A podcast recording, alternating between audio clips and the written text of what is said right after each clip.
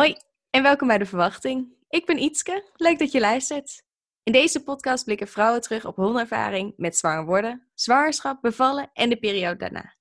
In elke aflevering wordt een persoonlijk verhaal verteld. Open, eerlijk en uniek, met alle highs en lows die bij deze levensfase horen. Mijn gast van vandaag is Sanne, welkom. Leuk dat je je Hi. verhaal wilt delen. Ehm Wil je beginnen met iets over jezelf te vertellen? Hoi allemaal, ik ben Sanne. Ik woon in Utrecht. Ik ben psychiatrisch verpleegkundige bij Altrecht. Ik woon in een heel schattig lief huisje samen met mijn man en eh, twee kindjes inmiddels. Ik ben eh, vier weken geleden bevallen van, eh, van mijn zoontje, Eli. En daar ga ik jullie zo meteen meer over vertellen. Ja. ja, en wat er ook extra interessant aan is, is dat het in begin mei was. Dus tijdens de, de coronamaatregelen ehm, ben je bevallen. Dus ik denk dat het ook eh, mede daarom ontzettend interessant is om te kijken van nou, hoe heb je dat dan in de praktijk ervaren? En ja, ja wat, wat kan je daarover delen? Maar laten we beginnen met, uh, met je eerste zwangerschap van, van je dochtertje Lieve. Ja. Ja. Was de zwangerschap van Lieve een verrassing of was ze gepland? Nou, het was om heel eerlijk te zeggen een beetje een verrassing. Het is niet dat. Hè, we wilden wel heel graag uh, een kindje. Um, maar ik, had, ik heb gewoon altijd in mijn hoofd gehad. Het duurt nou wel een jaar voordat ik zwanger word. Uh, laten we er gewoon op tijd mee zijn. Eenmaal op vakantie in, uh, in Portugal vond ik de wijn ineens niet meer zo lekker. En werd ik toch wel wat misselijk van, van een aantal gerechten. En bij thuiskomt, heb ik me gewoon nog een week ziek gemeld op werk. Ik dacht gewoon dat ik de griep had. En toen uh, heb ik een week daarna uh, een test gedaan en toen was ik zwanger. Wat ik totaal niet had verwacht. En uh, toen bleek ik dus al elf weken zwanger te zijn. en, dus en... dat was een, een verrassing. ja, en een hele fijne verrassing gelukkig. Maar inderdaad, die ja. zag je niet helemaal aankomen, toch? En lang, Gek, lang de signalen genegeerd. Ja, ik heb hetzelfde ook gehad. Bij mij uh, oh, negeerde echt? ik het echt? ook heel lang. Ja. Zo gek. Ja, ja ook in Portugal. Ik... Oh, echt? Ja. en nu, en nu hè, bij, met, bij mijn zoontje wist ik gelijk uh, op het moment dat ik weer een symptoom voelde. Oké, okay, ik ben zwanger. Uh, je herkent het gelijk. Maar bij uh, de eerste keer vond ik het toch wel wat, uh, wat lastig. Ja. Om het te onderscheiden van een griepje. Ja. en hoe verliep de, de zwangerschap van Lieve? Nou, eigenlijk heel goed. Heel rustig. En uh, voelde ik mij heel goed. Ik ben wel heel misselijk geweest. Ja, dan tot 12, 13 weken ongeveer. En aan het einde, zo rond, nou, 30, 31 weken, kreeg ik uh, last van uh, rusteloze benen. Dus echt dat je op de bank zat s'avonds. En ja, ik kon mijn benen gewoon niet stilhouden. En ik had heel veel zwangerschapsjeuk. En uh, het moment, op het moment dat ik was bevallen, was dat weg. Heel gek. Ik heb het bij de tweede weer gehad. Geen idee, uh, je kon er niks aan doen. Het is gewoon uitzitten en uh, er vrede mee hebben dat dat zo is. Ja. Wist je dat het een meisje werd of werden je ja. verrast bij de bevalling? Nee, we wisten dat het een meisje zou worden. Ah, leuk. En ja. um, hoe bereidde je voor op de bevalling? Bij Lieve niet. Heb ik me gewoon niet voorbereid. Ik heb niks gelezen, niks uh, geluisterd. Ik, heb, ik wist dat ik in het ziekenhuis wou bevallen en dat was ook wel eigenlijk het enige. Ik had geen bevalplan gemaakt. Ik uh, ben er eigenlijk helemaal blanco in gegaan. En dat was, hij had eigenlijk wel de reden dat ik toch wel dacht van, ik je weet van tevoren niet hoe het gaat zijn. Je weet niet hoe een bevalling eruit komt te zien, hoe je daarop gaat reageren, hoe mijn vriend zal reageren. Ik weet het gewoon niet. Dus ik kan dan wel allerlei dingen gaan lezen, maar ik had dan uh, het idee dat er bij mij een heel groot ding zou worden, wat misschien me een beetje angst zou geven en me het niet zozeer goed zou doen. Dus uh, vandaar ik uh, het eigenlijk heel erg blanco ben ingegaan. Ja, en had je wel gedacht bijvoorbeeld over pijnbestrijding of, of andere keuzes ja. die je zou kunnen maken? Ja, dat is het enige waar ik uh, van tevoren wel over na had gedacht. En dat ehm, omdat ik in het ziekenhuis wou bevallen, heb ik gezegd, nou als ik langer bezig ben dan acht uur, dan wil ik wel pijnbestrijding. En dan had ik samen met mijn verloskundige besproken dat het dan remifentanil zou worden.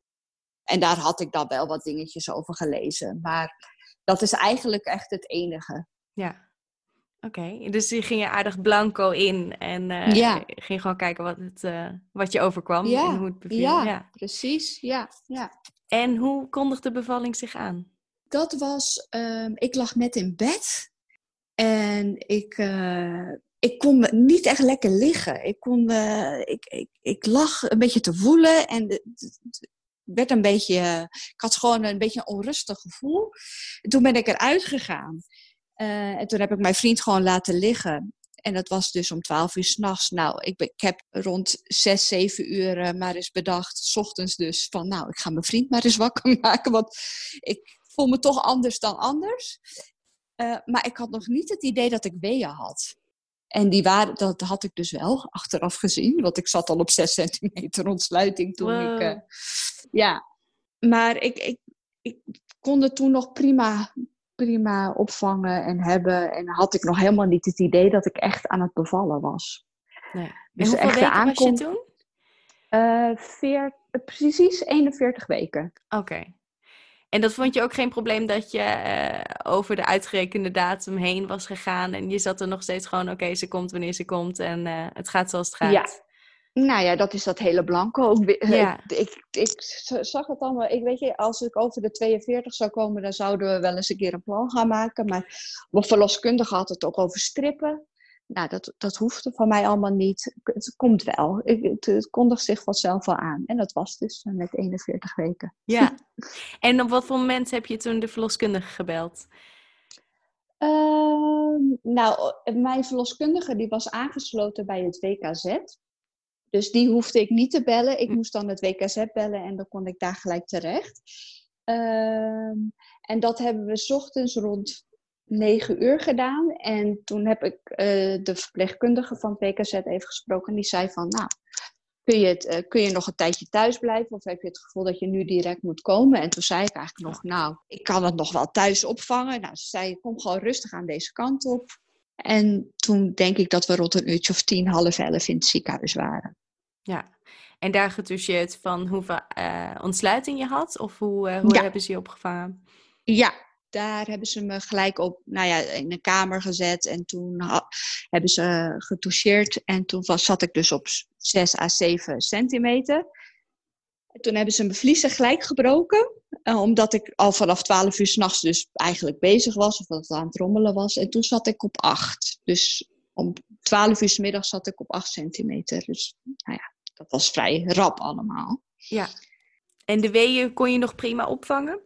Ja, ja, dat ging eigenlijk allemaal hartstikke goed. Heel, heel rustig. En uh, ik had zelf een, uh, of mijn vriend eigenlijk, die had een baar WhatsApp gemaakt. Dus al mijn uh, vriendinnen die mij heel dierbaar waren, en onder andere ook mijn zusje, die zaten dan in die groep. En op die manier, Jelle, die, mijn vriend dus, die ehm, hield met hen dan een beetje contact wat er allemaal gebeurde.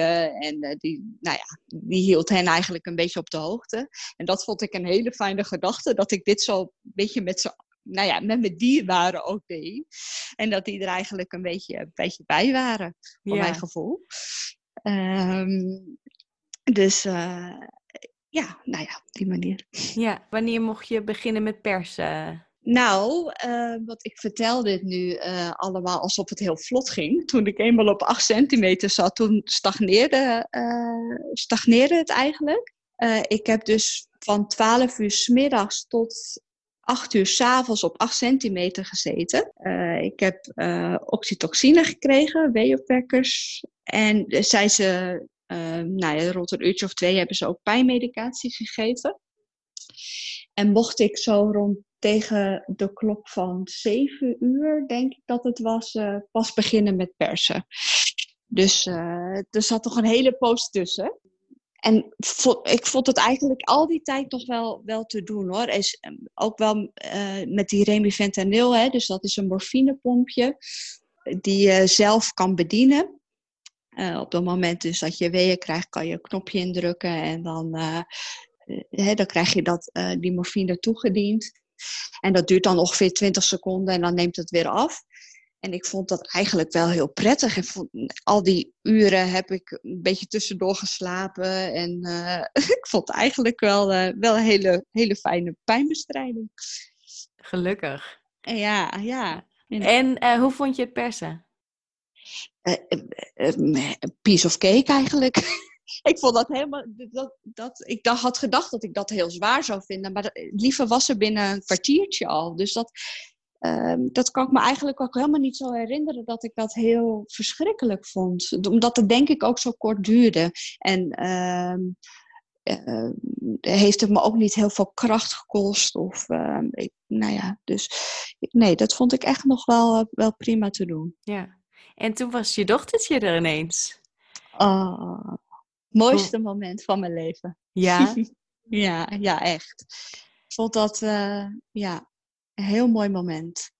Maar ik denk dat bijna elke moeder dat zegt. en um, kwam de placenta er ook uh, makkelijk uit? Ja, ja.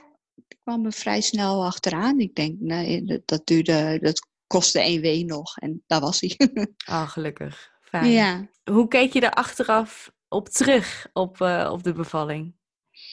Nou, achteraf gezien heel, uh, heel goed. Uh, ik vond het heel fijn in het ziekenhuis. Ik vond dat ik hele fijne verpleegkundigen om me heen had. Ik werd op een gegeven moment wel medisch, omdat Lieve in het vruchtwater had gepoept. Nou, dan, dan moet je dus uh, een nachtje in het ziekenhuis blijven. Dat ging eigenlijk, nou ja, allemaal heel geleidelijk en soepel. En nee, ik keek er achteraf heel goed op terug op mijn bevalling. Ja, fijn. En uh, ja. het herstel van de bevalling? Oh, ik, heb, ik heb wel mijn stuitje gebroken. Dus dat, dat herstel, dat was wel. Uh, daar heb ik nu overigens nog steeds wel een beetje last van. Met fietsen bijvoorbeeld. Of, uh, maar dat heb ik tijdens de bevalling helemaal niet gevoeld. Ik denk ook vast de volgende dag dat ik echt dacht: oh, ik ga nu zitten. Maar dat doet eigenlijk toch best wel pijn bij mijn stuitje. Toen was, had ik zo'n blauwe plek uh, op, de, op mijn kont. Nou ja, oh, wow. was wel gebroken. Was je, was je zorgteam er tijdens de bevalling al van bewust dat die was gebroken? Of is dat later nee, naar voren gekomen? Nee. nee, dat is pas echt veel later. Want op een gegeven moment ben ik naar de dokter gegaan. Dat ik dacht, nou, dit gaat eigenlijk ook niet over. En toen naar de fysiotherapeut. En nou, die, uh, die me noemde dat die gebroken was. Oh, wauw. Ja, ja, ja. Ja, bizar hè, wat zo'n bevalling kan doen uh, met je lichaam. Ja, ja, precies. En wat het vooral vreemd maakt, is dat je het gewoon niet hebt gevoeld. Ik heb er niks van gevoeld. Nee. Dat je dat gewoon helemaal uit kan schakelen. Want weet je of ze kunnen zeggen op welk, ja, natuurlijk tijdens de uitdrijvingsfase, maar op welk moment zoiets kan gebeuren? Ja, op een gegeven moment, weet je, dan hangt dat, dat, dat is wat de fysio zei hoor, dan, hè, dat het kindje gewoon een soort van um, draai moet maken en dat het dan, uh, ik had ook heel veel last van rugweeën. En, nou ja, goed, dat schijnt, schijnt daarmee te maken te hebben dat ik ook op mijn rug ben bevallen. Uh, dat ik dat dus bij een tweede beter niet kan doen, omdat je dan uh, verminderd kans hebt op, uh, op het breken van je stuitje. Dus okay. nou ja, ja. dat uh, raden ze me af bij de tweede om op mijn rug te bevallen. Ja, nou ja, dat is in ieder geval heel goed om te weten, denk ja, ik. Ja, ja. en wilde je borstvoeding geven? Had je daarover nagedacht? Ja, dat, dat wilde ik sowieso. Ja, dat vind ik zoiets moois. En uh, uh, ook eigenlijk iets heel makkelijks. Want het is altijd bij de hand en het is het beste voor je kindje. En uh, ja, dus dat wilde ik heel graag. En hoe ging dat, de borstvoeding? Dat liep eigenlijk gelijk heel goed. Ik, omdat ik een nachtje in het ziekenhuis moest blijven. het lieve, die werd rond een uurtje of drie wakker s'nachts. En ik heb er aangelegd. En dat, uh, nou ja, ze hapte gelijk goed aan en dat ging, uh, dat ging hartstikke goed. En dat heb ik tot uh, zeven maanden gedaan. Ja. Dus ja. Fijn dat het goed ging. Ja. Had je überhaupt nagedacht over de kraamtijd? Hoe, je, hoe zag je die voor je toen je nog zwaar was? Oh, daar had, serieus heb ik echt niet, niet over nagedacht. Ik dacht gewoon, ja, er komt bezoek langs en er is iemand in huis. En had, ik had geen wensen of, of ideeën daarbij. En uh, ja, mijn, mijn kraamtijd is echt, uh, dat was één grote roze wolk. Ik denk achteraf gezien wel eens een beetje dat ik uh, bij mijn dochtertje een beetje hypomaan was of zo. Ik was zo ontzettend gelukkig. En zo, ik had zulke verliefde gevoelens naar mijn vriend. De, alles was, de hele wereld was fantastisch mooi. Ja, het, ik, het was echt, uh, echt een beetje, ja, een beetje hypomaan, denk ik, dat ik was. Hoe lang duurde dat? Nou, dat heeft wel een poosje geduurd. Ik denk wel een maandje of twee of zo. En omdat ik zelf ook uit de GGZ kom, ja, ik er wel een beetje om lachen. Want uh, ik, ik, vond het ook heel erg dat mijn uh, kraamvrouw wegging. En ja, dat ik achteraf denk, hé, hoe kan ik daar nou zo verdrietig om zijn geweest? En hoe kan ik, ja, heel gek. Ik had hele vreemde, vreemde gedachten. En ook vooral leuk dat je daar dan later op kan reflecteren van, ah, oké. nou, dat was wel een beetje gek. Ja, ja, ja. Ja, nou ja, volgens mij is dat een heel veel voorkomend iets hoor. Dat het toch wat emoties uh, losbrengt als, uh, als de kraamverzorgende weggaat. Ja, dat sowieso. Dat sowieso, ja. Op wat, welk moment dachten jullie, oké, we zijn uh, klaar voor een tweede? Of was dat ook meer een verrassing? Nee, dat was, dat was niet zo'n verrassing op welk moment? Ja, het zat best wel een poosje tussen. Uh, want liever, die wordt nu bijna drie. Volgende, eh, volgende week wordt ze drie. Ehm, en nou ja, we wilden wel. Um, ik ben vorig jaar bijvoorbeeld nog op reis geweest met vriendinnen naar um, uh, Africa Burn, dus naar Zuid-Afrika. En wij hadden, ik had zoiets samen met mijn vriend, oké, dat willen we dan nog gedaan hebben. Dat kan nog met één kindje. En daarna gaan we eens kijken hoe uh, lukt het uh, weer om zo snel zwanger te worden. Dus nou, dat, dat hebben we eigenlijk afgewacht, omdat ik al een jaar wist dat ik dan naar Afrika Burn zou gaan. En dan, nou ja, goed, vandaar dat er een post tussen zat, uh, tussen de eerste en de tweede. En de tweede ronde wist je dus heel snel al bij de eerste tekenen, ik ben zwanger. Ik ben zwanger, ja, ja. Uh, het was weer precies hetzelfde. Ik was weer misselijk. Ik had weer, uh, weer uh, geen zin in bepaalde dingen. Ik had, was extreem moe. Ik dacht, ja, nee, dat kan niet anders dan dat je zwanger was. zwanger bent. Hoe dacht je over de bevalling na je eerste ervaring? Nou, ik wilde bij de eerste dus in het ziekenhuis bevallen, ook omdat het mijn eerste was. En bij de tweede had ik gewoon heel erg de wens om thuis te bevallen in mijn rustige omgeving en op de manier waarop ik het wilde. Want achter, hè, ik zei net dat ik mijn um, bevalling in het ziekenhuis vond ik er, hè, ik kijk er heel goed op terug. Maar achteraf gezien denk ik, oh, het is wel ook een beetje hun bevalling geweest. Er is heel veel voor mij besloten. Terwijl ik denk dat ik het heel goed zelf kan en zelf kan bepalen wanneer ik uh, wat doe en uh, dus ik wilde graag thuis bevallen. Ik wilde het, het zelf doen en kijken uh, hoe het ging zonder pijnmedicatie, zonder dat iemand uh, mij oxytocine gaf. Uh, nou ja, dat mijn lichaam dus eigenlijk zelf de bevalling zou gaan doen. Ja. En hoe heb je dan voorbereid op, op deze bevalling? Nou, ik heb dit al vrij vroeg besproken met mijn verloskundige. Uh, dat ik eigenlijk een, uh, een beetje een hands-off uh, bevalling wilde. Dus, hè, dus dat zij niet zoveel gaan beslissen. En dat ze me eigenlijk één keer toucheren aan het begin. Dat wilde ik graag. En dan daarna gewoon niet meer. Wilde je dan ook weten hoeveel centimeter je was of juist niet? Ja, en dan wilde ik ook gewoon zeker weten dat ik dan aan bevallen was. Want omdat ik dat bij Lieve nog wel een beetje ingewikkeld vond. Van, hè, ben ik nu aan bevallen of, uh, of niet? Wilde ik dat gewoon, hè, uh, doe dat bij aankomst. En daarna uh, laat mij gewoon gaan. En daar waren ze het mee eens. En dat konden ze ook. En dat, dat vond ik heel erg prettig. En als tweede wens had ik dat ik heel graag in bad wilde bevallen. En hè, mijn kindje ook zelf zou gaan pakken. Uh, dus ik heb een bevalbad gehuurd. En dat ding was groot. Niet normaal. mijn hele, ik zei net dat ik in een klein huisje woonde. Nou, mijn hele huis was gewoon een zwembad. uh, dus dat wilde ik graag, een bevalbad. En wilde ik het zelf opvangen. En ge geen pijnmedicatie. Dus dat waren eigenlijk mijn wensen. En hoe heb ik me voorbereid? Nou, eigenlijk heb ik tot een week voor mijn uitgerekende datum nog steeds niet heel veel gelezen, omdat ik eigenlijk ook al een beetje wist wat er zou gaan komen. Maar op een of andere manier werd ik een week voordat ik ging bevallen, of voor mijn uitgerekende datum, werd ik toch een beetje nerveus. Uh, en ik weet niet waarom. nog steeds niet. Maar ik werd gewoon een beetje nerveus. Ik dacht, oh, kan ik het wel thuis? Gaat het me dat lukken zonder pijnmedicatie? En toen ehm, ben ik toch wat boeken nog gaan lezen. Ik heb De Vrije Geboorte heb ik gelezen, uh, uitgelezen twee dagen voordat ik beviel. Uh, ben ik toch wel wat YouTube-filmpjes gaan kijken over uh, de thuisbevallingen. Ehm, heb ik wat verhalen gelezen van doula's. En heb ik allerlei ehm, spreuken uitgeprint en opgehangen in mijn huis. En kaarsen gekocht. En oliën die, uh, die je rustig maken, wierook. Nou ja, goed. En dat heb ik dus eigenlijk allemaal gebruikt uh, tijdens ja. mijn bevalling thuis. En stel, stelde je die dingen lezen en, en bekijken, stelde je dat wat gerust? Nou, ik weet niet of. Het maakte me niet minder nerveus, laat ik het zo zeggen. Ik was nog steeds uh, tot, tot de dag zelf eigenlijk een beetje nerveus voor de bevalling dus het heeft me niet echt gerustgesteld. Wel heeft het me informatie gegeven waar ik hè, tijdens de bevalling wel echt wat mee kon. Bijvoorbeeld ehm, over.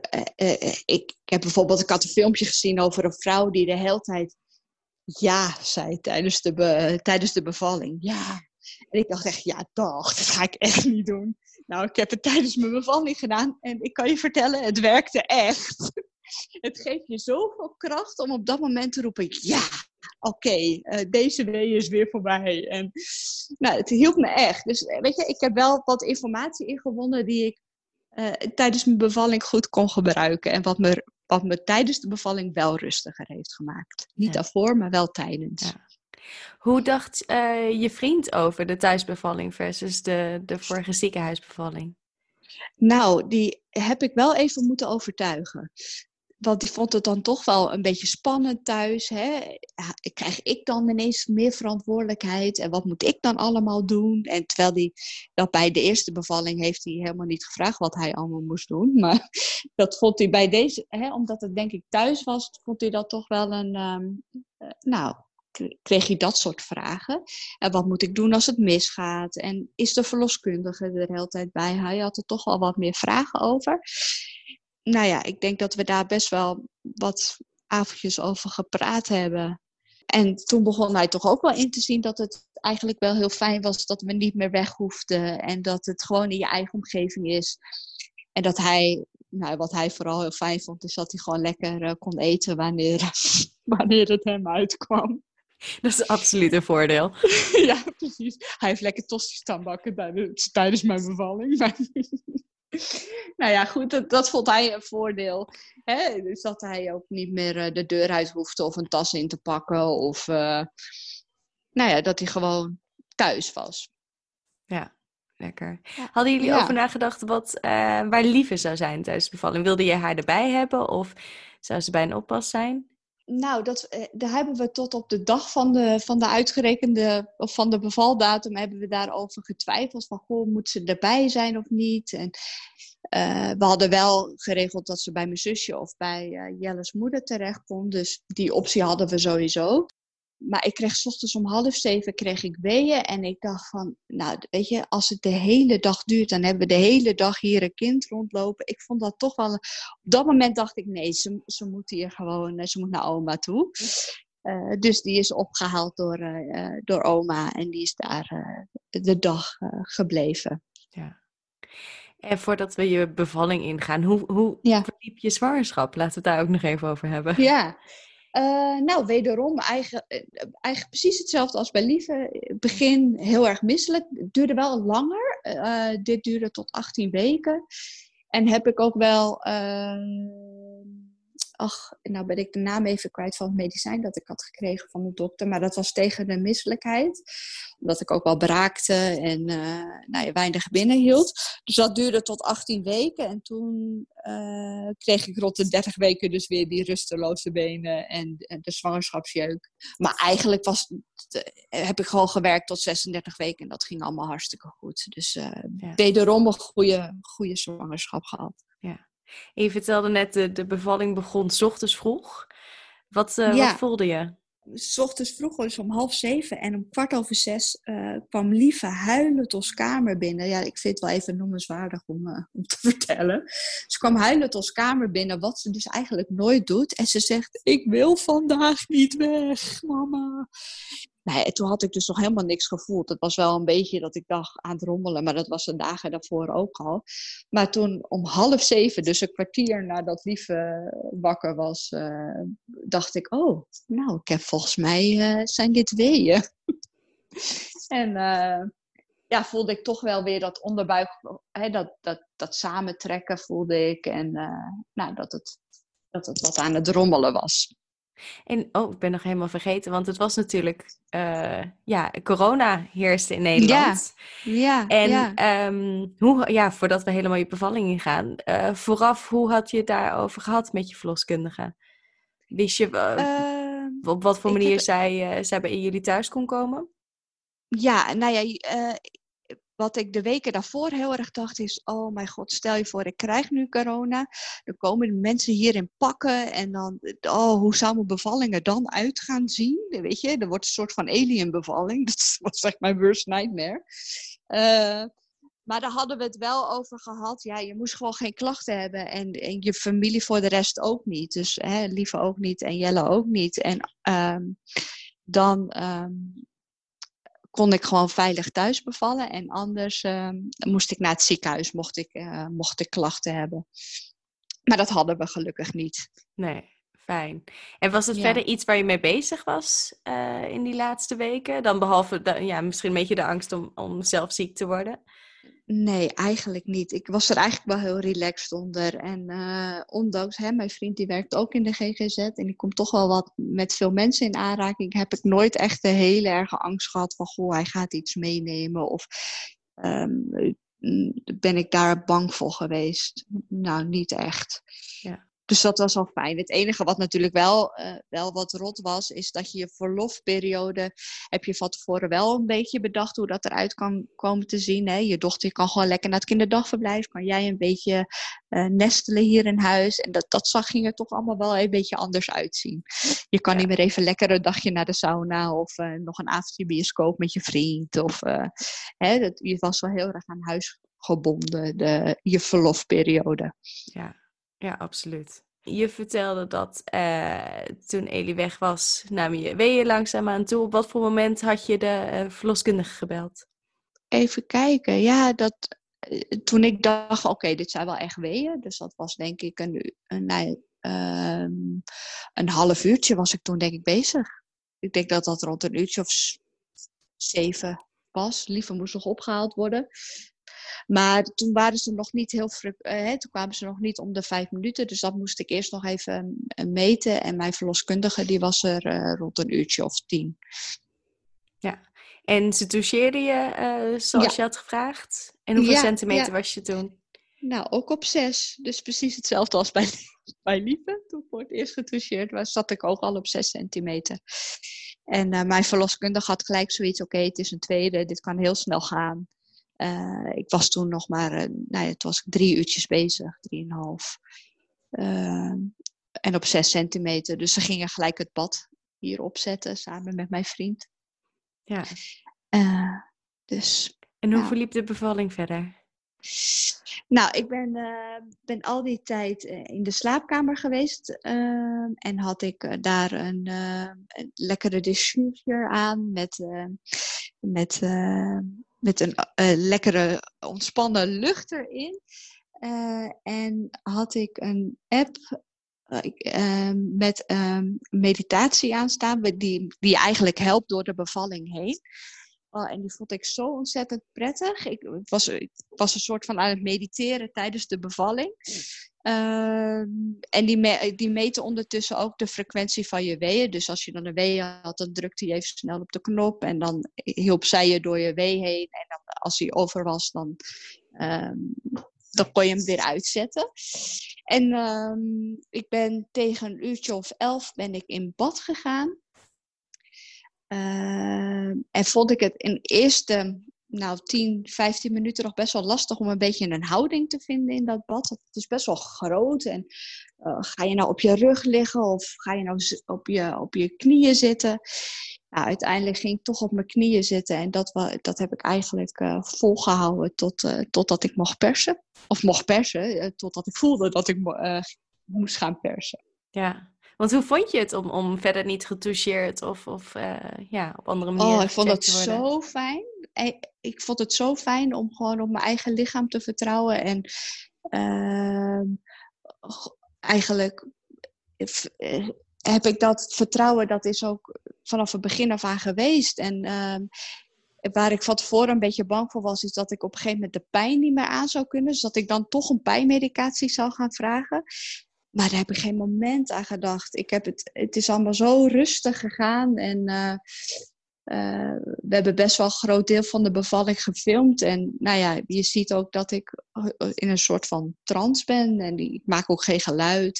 het is allemaal heel rustig. Ik dacht alleen maar, oké, okay, deze wee brengt me weer verder bij mijn zoontje. En uh, nou, het was heel, heel zen. Ja, en die, heel rustig. Die, positieve affirmaties, dat, ja. dat hielp je. Ja, ja, ja. daar heb ik ook echt wel naar gekeken. Die had ik allemaal opgehangen. En ja, dat hielp me echt wel uh, om rustig te blijven ook. Ja.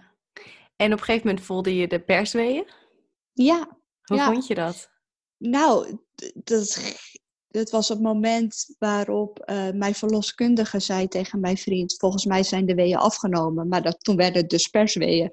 En ik ben tijdens mijn persweeën gewoon nog in slaap gevallen. Dus tussen de weeën door was ik een soort van aan het dromen. En dan werd ik weer wakker van die wee. En uh, ja, ik vind persweeën op een of andere manier prettiger dan ontsluitingsweeën, omdat je dan het gevoel hebt dat je echt wat mag doen. Uh, dus ik was eigenlijk wel heel blij dat die persweeën zich aankondigde. En in tegenstelling tot, uh, tot de bevalling van mijn dochtertje uh, duurde de persweeën natuurlijk maar een kwartiertje. En nu nu heeft het wel een, een, wat langer geduurd, een uurtje over gedaan. Maar dat was prima, want dat, dat voelde op dat moment dat dat zo. Ik hoefde ook niet heel snel of zo uh, te bevallen. Het ging allemaal heel rustig. Ja, fijn.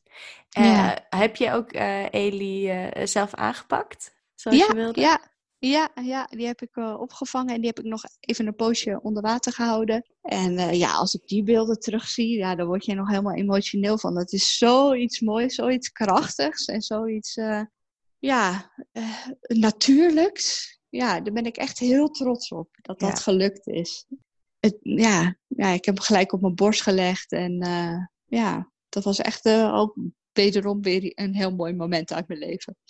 Ja, fantastisch. Ja. Ben je in bad gebleven voor de bevalling van de placenta of heb je dat uh, op bed uh, gedaan? Nee, dat duurde wel even voordat hij kwam. Dat heeft wel echt een half uur geduurd. En in eerste instantie bleef ik nog in bad. Uh, mijn vriend is er ook even bij komen zitten. En uh, die heeft op een gegeven moment Elia gepakt. Zodat ik me echt even kon focussen nog op die placenta. En ik had maar helemaal geen rekening mee gehouden dat dat ook nog wel eventjes kon gaan duren. Ik had er gewoon, omdat het bij Lieve zo snel ging, had ik daar voor de rest niet over nagedacht. Maar uh, nou, op een gegeven moment kwam het toch niet. En toen moest ik toch het bad uit om het uh, op de bank te doen. Heeft al met al denk ik een minuutje of 30, 40 gekost voordat, dat eruit, eh, hè, voordat de placenta eruit was. Ja. Maar dat is dus niet in bad gebeurd. Nee. Wilde denk ik ook weer borstvoeding geven? Ja, ja. Ja, en de, dat doe ik dus nu nog steeds. En dat, gaat, uh, dat begint bij Eli wel een stukje lastiger. Want dat, de eerste nacht was hij heel erg misselijk. Uh, dus toen lukte het aanleggen eigenlijk niet zo goed. Hij was continu aan het spugen. En ik maakte me daar eigenlijk helemaal geen zorgen over. Ik dacht van nou, weet je, kindje hoeft de eerste 24 uur in principe nog niet... Uh, heeft het nog niet echt wat nodig. Uh, maar de volgende ochtend toen de kraamvrouw kwam... die maakte zich gelijk heel veel zorgen. Die vond hem vond dat hij uh, niet goed huilde, of dat hij eigenlijk niet huilde. En dat hij, uh, dat, daar maakte zich zorgen over.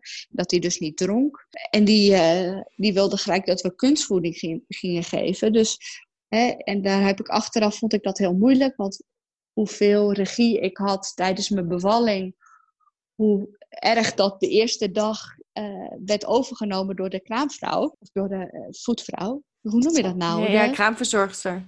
De kraamverzorgster. Ik, zwangerschapsbrein, denk ik nog steeds. maar door de kraamverzorgster. Um, die nam het helemaal over. Die, uh, die, die, Jelle moest gelijk kunstvoeding halen. En ik, ik mocht zelf de fles ook niet geven. Dat wilde zij dan doen. En ook achteraf gezien heb ik daar wel echt uh, even last van gehad. Van, hè, uh, hoe, wat, wat, gebeurt er nou? Uh, het is dat het mijn tweede was, dat ik dacht van oké, okay, borstvoeding, hè, dat moet gewoon werken. Want dat is bij mijn eerste ook gelukt.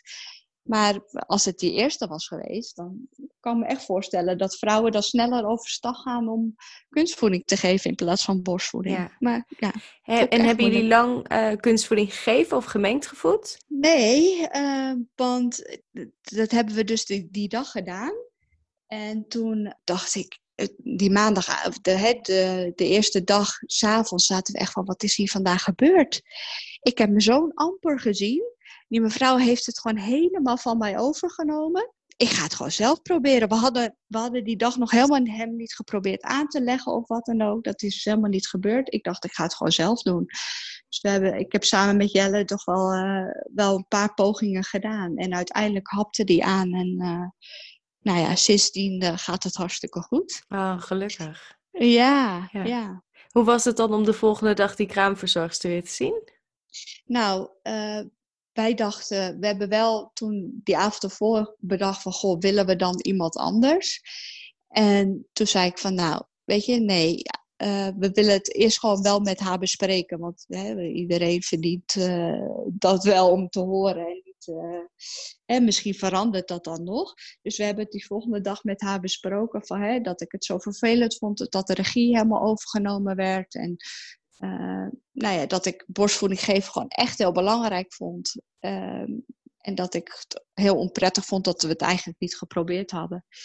En dat kon ze eigenlijk allemaal heel goed horen en begreep ze het achteraf gezien ook wel heel goed. Nou ja, heel goed. Ze begreep het. En eh, liet ze nu ook, daarna liet ze ook echt wel meer de verantwoordelijkheid bij ons. En liet ze ons wat meer ons eigen gang gaan. In plaats van dat zij dingen besloot om te doen. Ja. Dus dat was prettig. Ik ben blij dat ik dat achteraf zo heb gedaan. Ja, en ook goed dat jullie dus uh, ja, net na de alle chaos en, en emoties en, en hormonen van een bevalling toch denken van hey, dit voelt niet goed. Uh, we gaan één, het anders aanpakken en twee, ook met de kraamverzorgster bespreken. Ja, ja, ja. En ik denk ook echt dat dat, uh, weet je, ik, ik kan me ook zo voorstellen dat als je niet doet, dat je gewoon dan die hele kraamweek een beetje geleefd wordt daardoor. Of, hè, er was of de borstvoeding niet, ge, niet op gang gekomen. Of, dus ik ben ook echt blij dat, uh, dat we dit zo met haar hebben kunnen bespreken. En dat ze er ook voor open voor stond. En uh, ja. Ja, absoluut. Hoe is je hersteld nu? Het is nu ja, een maand geleden.